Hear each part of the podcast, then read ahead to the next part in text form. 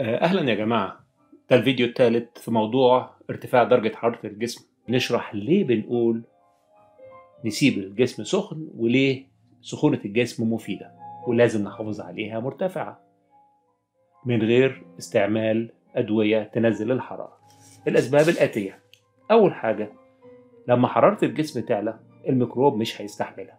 الميكروب بيتمتع بالعيشة في درجة حرارة جسمنا العادية. أول ما الحرارة هتعلى هيتعكنن ويكشف مكانه ولا يحاول يهاجم خلايا جديدة. دي نمرة واحد.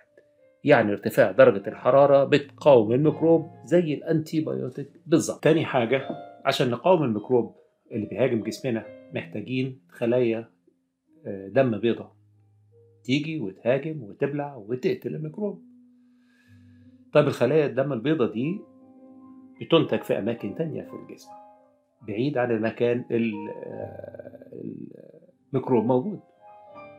لما الحرارة تعلى الخلايا البيضاء في الأماكن إنتاجها بتتكاثر بطريقة شديدة جدا وده المطلوب طيب دلوقتي الخلايا البيضاء بعد ما تكاثرت وبقت جاهزة لازم تتنقل من مكان إنتاجها لمكان الميكروب عشان تهاجمه يعني زي بالظبط ما بتنقل الجيش بتاعك من داخل البلد للجبهة عشان يحارب.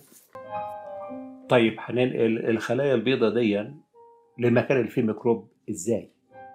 عن طريق الدم. لما تعلي درجة حرارة الدم يبقى اللزوجة بتاعته أقل كتير. جرب كده. سخن عسل نحل وشوف هيبقى سايل إزاي. هيبقى عامل زي الشربات مش ملزق. يعني الدم هيجري في العروق بسرعة. آخر حلاوة. شايل كرات الدم البيضاء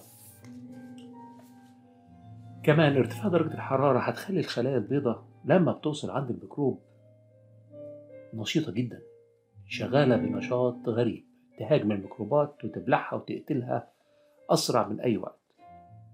إيه رأيك بقى؟ نسيب الجسم يسخن ويحارب ولا نكتفه ونحاول نمنعه من المقاومة